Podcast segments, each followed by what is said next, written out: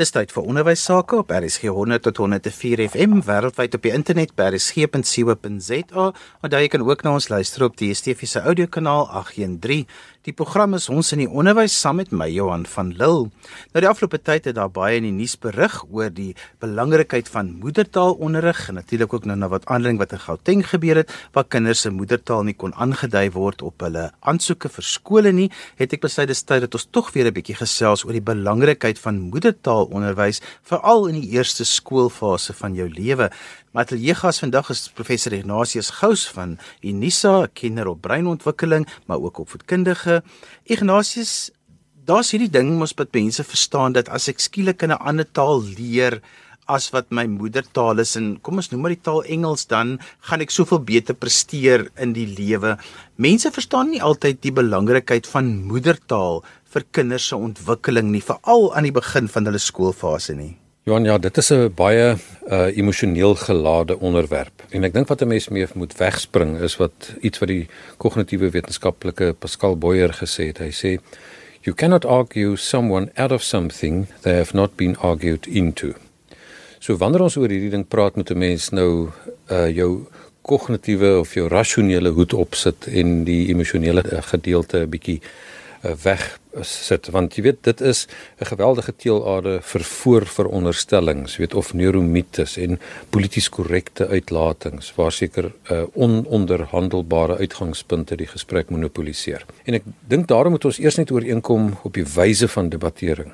En hier moet ons verstaan wat is strooipoppe wat is eysterpoppe en wat is staalpoppe Dit is onderskeidings wat gebaseer is op die werk van die sielkundige Anatol Rappaport en die kognitiewe wetenskaplike Daniel Dennett.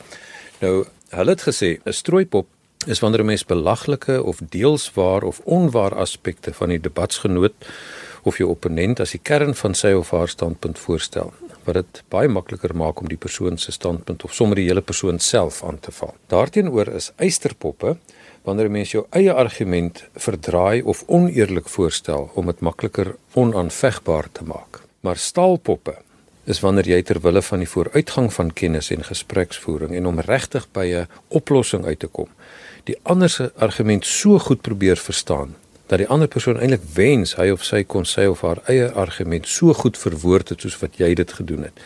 En dat hulle voel hulle hoef niks meer te sê as wat jy gesê het nie. En eers dan kan jy begin om daardie standpunte bevraagteken en te redeneer. En ek dink dit is 'n baie goeie uitgangspunt wat 'n mens moet hê as 'n mens oor moedertaalonderrig praat, hierdie emosionele ding. So, dit is dus goed dat ons die vertrekpunt op die tafel plaas en al is dit ook vir my 'n emosioneel gelaaide saak, is my vertrekpunt gebaseer op die kognitiewe wetenskappe en wat hulle daarvoor sê. En as 'n mens moet begin, dan moet 'n mens sê, wat is die einddoel van onderrig? Onderrig en opleiding gaan oor die bou van geldige kennisstrukture. So dit gaan nie primêr oor taal eers nie, dit gaan oor wat is die einddoel daarvan. Ehm um, soos Covey gesê het, begin with the end in mind. So ons wil hierdie geldige kennisstrukture hê. En dit is met ander woorde weergawe in jou brein en mente van die dinge wat daar buite fisies of nie fisies nie wat daar bestaan. En ons bou hierdie strukture en waarmee ons dit bou is beskouings en konsepte. En konsepvaslegging is dis die heel belangrikste ding wat in uh, onderrig plaasvind en dit is wanneer 'n mens nou by jou taal begin kom.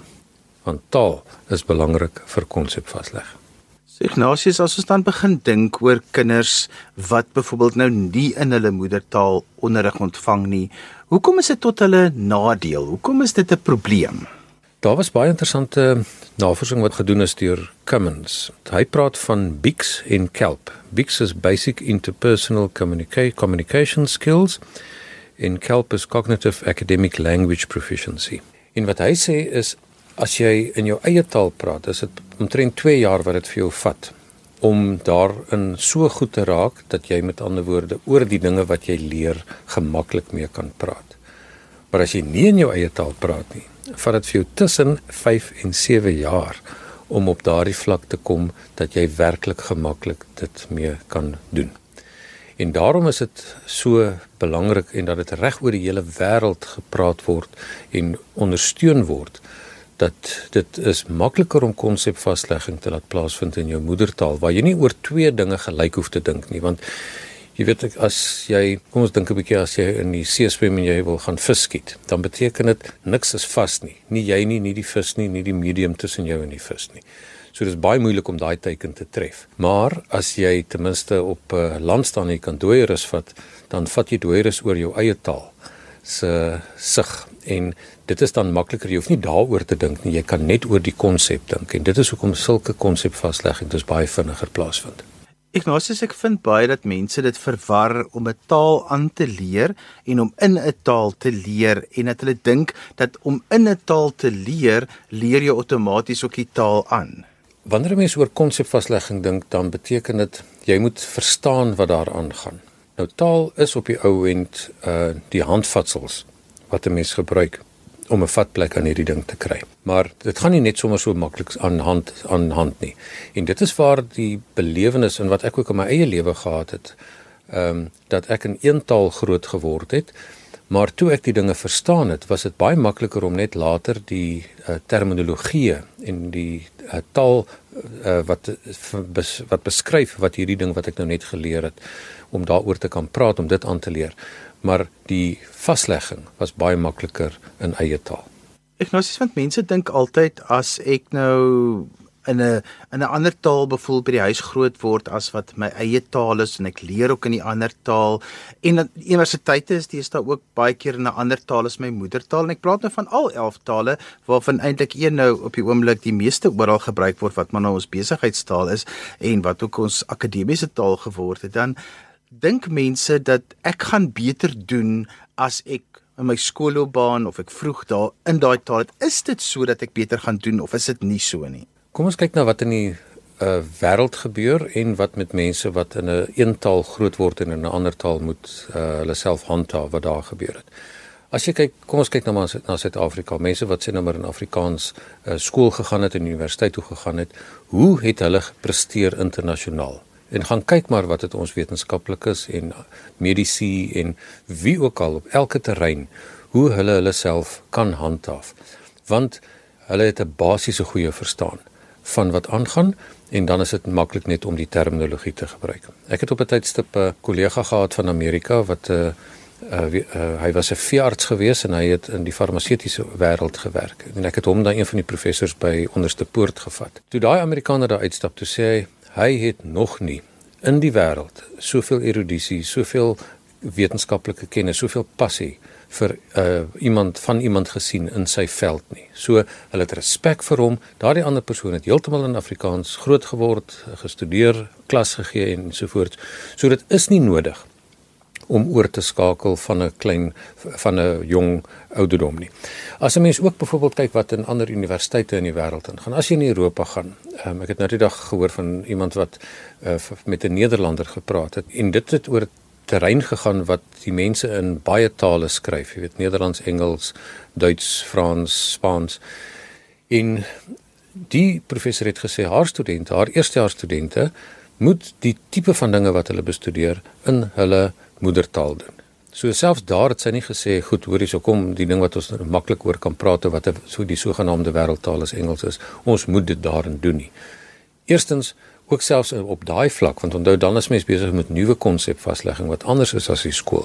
Beteken dit het sy gesê kom ons doen dit eers in in moedertaal Nou dit vat nie die hele ding van meertaligheid weg nie. Daaroor moet ons praat en oor die ehm uh, hoe mense dit op die ou end in die werklikheid laat grondvat, veral in Suid-Afrika. Maar die basiese ding dat jy gaan nie noodwendig beter doen as jy van die begin af in 'n ander taal te doen nie.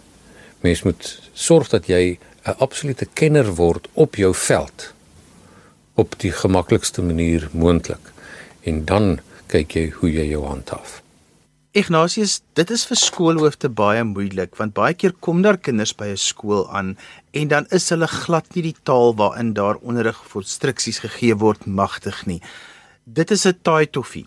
Soos wat die politiek op die oomblik is, word die kinders maar ingeneem, maar dan in my hart is ek altyd so bekommerd want Ja, die kinders moet geakkommodeer wat hulle moet te skool kry, maar joh, dit is nie altyd tot voordeel van daardie kind om in veral hy eerste paar maande is net absoluut 'n nagmerrie vir so 'n kind totdat hy darm 'n bietjie van die taal kan bemeester. En baie van hulle kom hier uit uit uit uit lande uit wat hulle net eenvoudig glad nie blootstelling gehad het aan Engels, Afrikaans of enige van ons 11 amptelike tale nie. Ja, ek dink daar is uh, hier moet 'n mens baie konteksbewus wees want in sommige areas gaan dit redelik maklik wees om moedertaal te aan te bied want omdat dit 'n oorwegend moedertaal omgewing kan wees. Ehm um, en in ander uh, gebiede sal 'n mens werklik sit met 4, 5, 6 tale. Daar's heelwat baie interessante navorsing sê maar in Limpopo gedoen waar hulle gesê het uh, daar die meeste mense daar het is blootgestel aan 5 tale. So hoe gaan 'n mens op die ouend onderrig gee dat jy vir almal akkommodeer en hoe gaan 'n mens maak dat uh, daar veral ehm um, dinge is wat met handboeke en sulke tipe van dinge wat hulle kan gebruik om te leer. Maar dit is as iets moeilik is, beteken dit nie jy kan sê nou maar goed, kom ons kies 'n slegte maklike oplossing en laat vir almal ehm um, 'n taal gebruik wat nie vir een van hulle gemaklik is nie. En dit is op die ou end wat 'n mens moet aangaan. Mens moet weer teruggaan eersins net dan kyk wat is die voordele? Hoekom sê hulle is moedertaalonderrig so geweldig belangrik? En daar het in UNESCO al van 1953 af navorsing gedoen uh om te sê wat is die voordele daarvan as 'n mens in jou moedertaal onderrig word. En die eerste is dat uh kinders wat wel so onderrig word, gaan baie makliker by die skool aanmeld en dat hulle suksesvol gaan wees. Ehm um, dit is geweldig belangrik dat ouers betrokke is by skole en dat hulle insette lewer want jy weet die daar waar ouers werklik uh konstruktief betrokke is, gaan dit baie goed met die skole want die gemeenskap moet eienaarskap vat van die skole en as dit gebeur in 'n taal wat vir hulle ook gemaklik is, dan beteken dit hulle is baie meer betrokke. Kindertjies wat gewoonlik swaar kry, dis hulle wat gewoonlik ehm um, in so 'n situasie die swaarste kry. En weer eens moedertaalonderrig maak dit vir vir die die die kindertjies wat in op die gevaarlys is makliker om ook op die ou en suksesvol te wees. En hulle bly langer in skool en hulle het minder keer wat hulle herhaal En jy weet ek bedoel as jy op die oomblik kyk wat in ons land aangaan is dat uh, daar word nie eintlik meer herhaling uh toegepas nie want daar's net nie meer plek vir die kinders wat herhaal nie. So almal word net deurgesit deurgesit deurgesit so jy jy uh, stuur net die probleem aan. En weer eens, dit is omdat die basiese probleem nie aangespreek word nie omdat daar 'n tipe van 'n ideologiese blindheid is oor wat aangaan. En dan op die ou end een van die belangrikste dinge is dat dit is makliker om in jou moedertaal krities te dink en uh, jou denkvaardighede vind beter plaas. So as 'n mens al hierdie voordele daarvan sien. Nou moet 'n mens kyk as dit die voordele is en die maar die uh maar die uh, tipe van uitdagings wat 'n mens het is dat dit moeilik is om dit te doen dan sê jy nou maar goed ehm um, ter wille van die voordele gaan ek die uitdagings uh vat. En ek dink daar is werklik maniere hoe 'n mens mense in so 'n tipe van omstandigheid kan akkommodeer. En wat ek wil na verwys is daar 'n spesifieke ehm um, leertegniek, 'n groepsleertegniek wat deur John Hattie ehm um, aangeprys word as een van die dinge wat die grootste effekfaktor het in terme van onderrig en hulle noem dit die jigsaw of die tipe van legkaart manier van leer. Nou kom ek vir duidelik gou wat dit beteken. Ehm um, wanneer mense die legkaart metode gebruik, dan beteken dit jy het, uh, jy werk in groepe en jy het 'n tuisgroep en jy het 'n 'n expert groep. In die tuisgroep is daar sê net maar die werk in 6 dele verdeel. So so jy het nommer 1 2 3 4 5 en 6 van die kindertjies. En dan gee jy vir uh, nommer 1 'n sekere gedeelte om te doen, 2 die tweede gedeelte en so gaan jy aan. Dan gaan jy na jou expert groep. Al die eens kom bymekaar in die 2s en die 3s tot by 6s en hulle besluit goed, hoe gaan ons hierdie ding wat ons uh, moet vir die ander verduidelik. Hoe gaan ons dit doen op die manier wat die beste is? En dan gaan jy terug na jou uh, tuisgroep toe en jy verduidelik vir die ander. So dit is al die goeie dinge van leer en onderrig kom hier in betrokke. So jy is jy moet self eienaarskap vat. Die hele ding van dat jy moet kan praat oor dit wat jy leer en so voort en so voort. Nou, dit is nog nooit in die wêreld so gedoen nie en ek dink dit behoort ons in Suid-Afrika te doen en ek wil ook mense uitnooi as hulle kan sien hier voordat hulle ons skakel en dat mense hieroor navorsing doen om te kyk hoe dit werk. As jy die tuisgroep maak dat daar byvoorbeeld 'n algemeen verstaanbare taal, kom ons sê nou maar Engels, is daar gebesig word. Ehm um, dan beteken dit dit uh kan die algemene kommunikasie vermaklik. Maar as jy dit so maak dat die ekspertgroepe taalgewys, moedertaalgewys ehm um, gestruktureer word, dan beteken dit daar waar ek die konsepte moet verstaan, daar waar ek moet nadink oor hierdie ding, dan beteken dit dit vind daar plaas in jou moedertaal. En maar daar word dan ook gesê as ek hierdie aan die ander kinders moet verduidelik in die tweede taal. Ehm um, is dit op die ouend hoe ons dit gaan doen. So jy kry dan die beste van twee wêrelde. Jy het dan moedertaal, maar jy het ook dan die algemene taal wat deur meer mense op daai stadium verstaan word. So as ek jou reg verstaan, sal dit dan baie keer impliseer dat 'n mens kinders in moedertaalgroepe dan gaan gaan verdeel en dan gaan jy ekspertgroepe hê, maar dit gaan heeltyd 'n wisselwerking wees en ek dink dis baie keer waar politici nie opvoedkunde verstaan en sê niemand word eenkant geskuif nie, maar dit gaan baie keer oor ons groepeer die kinders die hele dag op verskillende maniere. Ja, ek dink ons het ook uh, gesien in die afgelope tyd in die media, jy weet dat iemand so 'n tipe van ding wat uh, uh, opvoedkundig baie goed gemotiveer is en deur dink dink is en wat baie goeie redes voor het dat hulle dit op die ouend uh, vertrek en ehm um, uh, op die ouend verpolitiseer en dan is daar net 'n groot klomp moeilikheid. En hier moet 'n mens op die ouend verstaan regtig dat dit gaan 'n mens moet eers verstaan voordat jy doen en dit is weer dat dis hoekom ek wil terugkom by die strooipop en die eysterpop en die staalpop. Jy moet 'n uh, staalpop wees voordat jy uh, oor so iets wat jou kind impliseer uh, voordat jy daaroor 'n groot moeilikheid maak. So Ignatius, wat moet mense weet van moedertaalonderwys? Wat is die belangrike goeters wat ons in Suid-Afrika moet van kennis neem? Wat soos jy gesê het, dit is 'n emosionele ding. Dit is 'n sensitiewe saak. Daar is politiek ingemeng. So in al hierdie goeters deur moet 'n onderwyser skool hou. En 'n onderwyser wil maar net soos 'n ouer die beste vir hulle kinders hê. En as die beste dan is om moedertaalonderwys is nou een van die dinge wat my kind 'n voorsprong in die lewe gaan gee. Wat moet ek weet? Wat is die goed wat ek moet van kennis neem? Op die ou end gaan dit dat 'n mens die taal waarin jy leer en waar, waarmee jy weergee wat jy leer, moet jy kan goed bemeester. En ehm um, ek dink dit is op die ou end die grootste probleem op die oomblik in ons uh, taalgewys in ons onderwys is dat die taal wat gebesig word is swak Engels. So niemand baat daarby nie. Daar's nie 'n goeie taalmodel nie.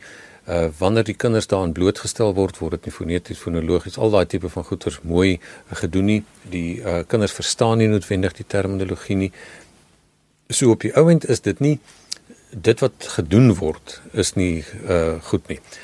Wat 'n mens wel moet weet is dat die wêreld is 'n geweldige multilinguistiese omgewing. Hulle sê daar is uh 200 lande in die wêreld maar daar's 7000 tale en dialekte in die wêreld. So meeste mense word aan meer as een taal groot uh blootgestel. En selfs byvoorbeeld deesdae in Europa wat die lande seek uh, tot dusver redelik monolinguisties was met die immigrante wat inkom en alles is ook daardie skole begin blootgestel word dat hulle meertalig moet doen en hulle sit met dieselfde tipe van uitdagings wat op uh, wat aangespreek moet word en daarom beteken dit jy moet die regte tipe van geld spandeer en die regte tipe van tyd spandeer sonder om emosioneel gelaaide polities gedrewe tipe van argumente die hoofrol te laat speel. So, op die oomblik waaroor dit gedis gaan, jy sal met ander woorde 'n uh, moedertong gebaseerde multilinguistiese opvoeding moet gee waar jy kan sê die uitgangspunt